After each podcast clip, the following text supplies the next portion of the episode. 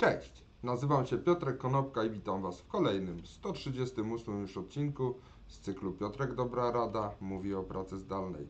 Dzisiaj chciałbym, chciałbym powiedzieć o siedmiu zwyczajach, które warto wdrożyć i o siedmiu nawykach, których warto unikać w trakcie właśnie pracy zdalnej. Znalazłem taki artykuł, który opisywał takie 7 zachowań pożądanych i 7 zachowań nega- negatywnych na stronie The Enterprisers Project. Link znajdziecie w opisie pod filmem. A teraz właśnie chciałbym omówić 7 negatywów i 7 pozytywów w trakcie pracy zdalnej. Przede wszystkim punkt numer jeden jest to niewdrożenie żadnej nowej rutyny ponieważ staramy się adaptować to, co znamy, to czego nauczyliśmy się przez ostatnie lata do dzisiejszego świata, do dzisiejszego sposobu pracy zdalnej i po prostu staramy się skopiować te zachowania, które znaliśmy do tej pory, normalnie jeden do jeden. Po prostu chcemy przenieść dotychczasową pracę do e, modelu zdalnego. Jednak to bardzo trudno się robi, bardzo ciężko się wdraża i bardzo często kończy się porażką. To, co możecie zrobić, czyli to jest to pożądane zachowanie, to należy po prostu e, zapełnić sobie dzień nowymi czynnościami i po kolei sprawdzać, co działa, co nie działa, co można zmienić, co można poprawić, a co warto zostawić. Czyli planujemy dzień od nowa, nie przenosimy dotychczasowej pracy w skali 1 do 1 bo się nie da przenieść biura stacjonarnego na open space do naszego biura domowego czy biura skądkolwiek.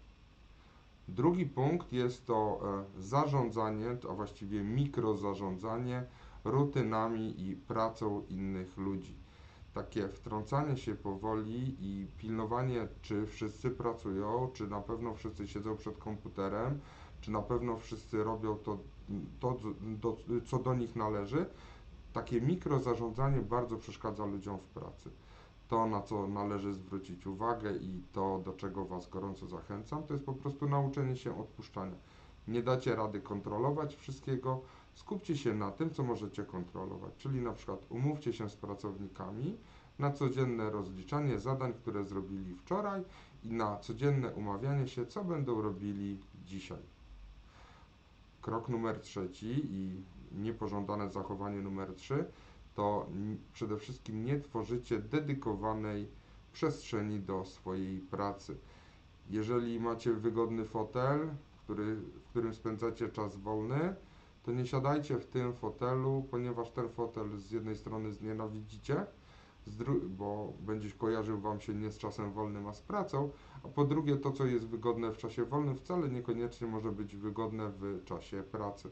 Przygotujcie sobie kącik do tego, żebyście mogli pracować. Nie wszyscy mają ten komfort, żeby pracować i mieć odrębny pokój do takiej pracy, przygotowany tylko i wyłącznie do pracy.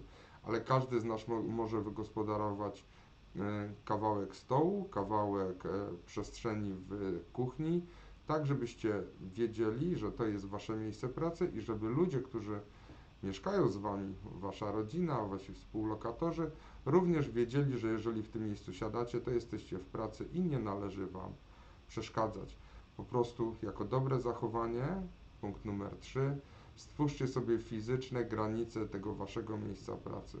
Tą fizyczną granicą może być na przykład założenie słuchawek i wtedy to oznacza nie przeszkadzać, jestem na telekonferencji. Tą fizyczną granicą może być przeniesienie się z jednego kącika łóżka do drugiego kącika, ale przy stole w kuchni. Dla kogoś innego, tak jak dla mnie, na przykład tą fizyczną granicą może być y, założenie e, krawata, może być założenie koszuli. Czwartą regułą to jest to, że przede wszystkim myślimy o sobie negatywnie. Te myśli negatywne mogą przesłonić całkowicie radość z pracy, radość z życia. Bardzo wiele osób e, myśli o tym odosobnieniu, w którym się znajduje. Bardzo wiele osób zastanawia się, czy nie jest odrzuconych, czy nie jest pozostawionych przez firmę samym sobie i zaczyna wątpić w to, że w ogóle ta praca jest do czegoś im potrzebna. Czyli te negatywne myśli kierujące nas trochę w stronę depresji powinny być od, odsunięte. Ćwiczcie swój mózg, ćwiczcie pozytywne nastawienie, oglądajcie motywujące filmy, E, Nagradzajcie się za drobne sukcesy, ponieważ utrzymywanie zdrowia psychicznego, w sobotę był właśnie Światowy Dzień Zdrowia Psychicznego i takiego balansu a, między życiem prywatnym a zawodowym będzie dla Was dobre. Piątą rzeczą, którą należy unikać jest e, takie przeniesienie spotkań ze świata rzeczywistego do świata wirtualnego, ale kopiując je w skali 1 do 1. To znaczy umawiacie się, być może umawialiście się w biurze na spotkania, te, które trwają godzinę, po chwili szliście na drugie spotkanie, później szliście na trzecie, a dzisiaj te same spotkania ułożone co godzinę i trwające po 60 minut, także nie macie chwili wytchnienia, Dzisiaj te wszystkie spotkania zostały przeniesione do Zooma czy na innego Skype'a. I nagle się okazuje, że po pierwsze nie macie czasu pracować, po drugie okazuje się, że spotkania prowadzone przez Zooma są o wiele bardziej męczące i wiele bardziej wyczerpujące, czyli te 60 minut e, pozbawiają Was całkowicie energii i nie macie drugiego, e, nie macie czasu na e, regenerację i po prostu idziecie na drugie spotkanie. Czegoś takiego należy unikać. Jeżeli mogę Wam coś doradzić, to przede wszystkim zadbajcie o to, żeby pomiędzy spotkaniami była przerwa, e, żebyście uczestniczyli tylko w tych spotkaniach, które są dla Was całkowicie konieczne i żebyście nie zapraszali na swoje spotkania ludzi, którzy są tam w ogóle zbędni.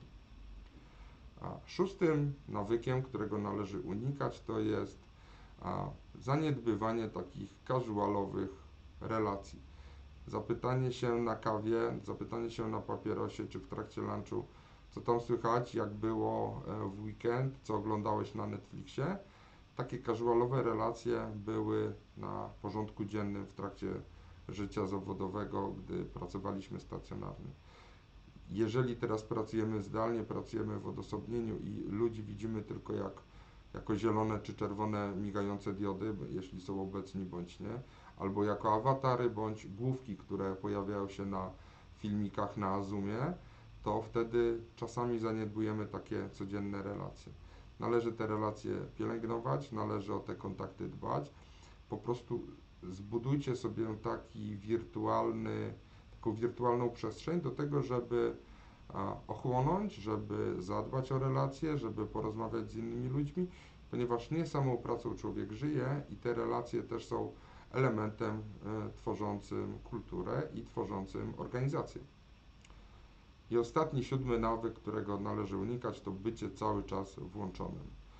Ja pracuję tylko wtedy, gdy mam założoną koszulę i założony krawat. To mi oddziela czas prywatny od czasu zawodowego. I do tego namawiam Was. Nie jestem stale włączony. Oczywiście jestem dostępny przez Facebooka, zaglądam na LinkedIna. Natomiast nauczyłem się tego, że nie można być cały czas dostępnym do pracy zawodowej. Koncepcja wysłania jeszcze jednego maila o godzinie 10 wieczorem, także schodzi nam do drugiej nad ranem, jest bardzo czasami kusząca, natomiast y, prowadzi nas do wypalenia zawodowego.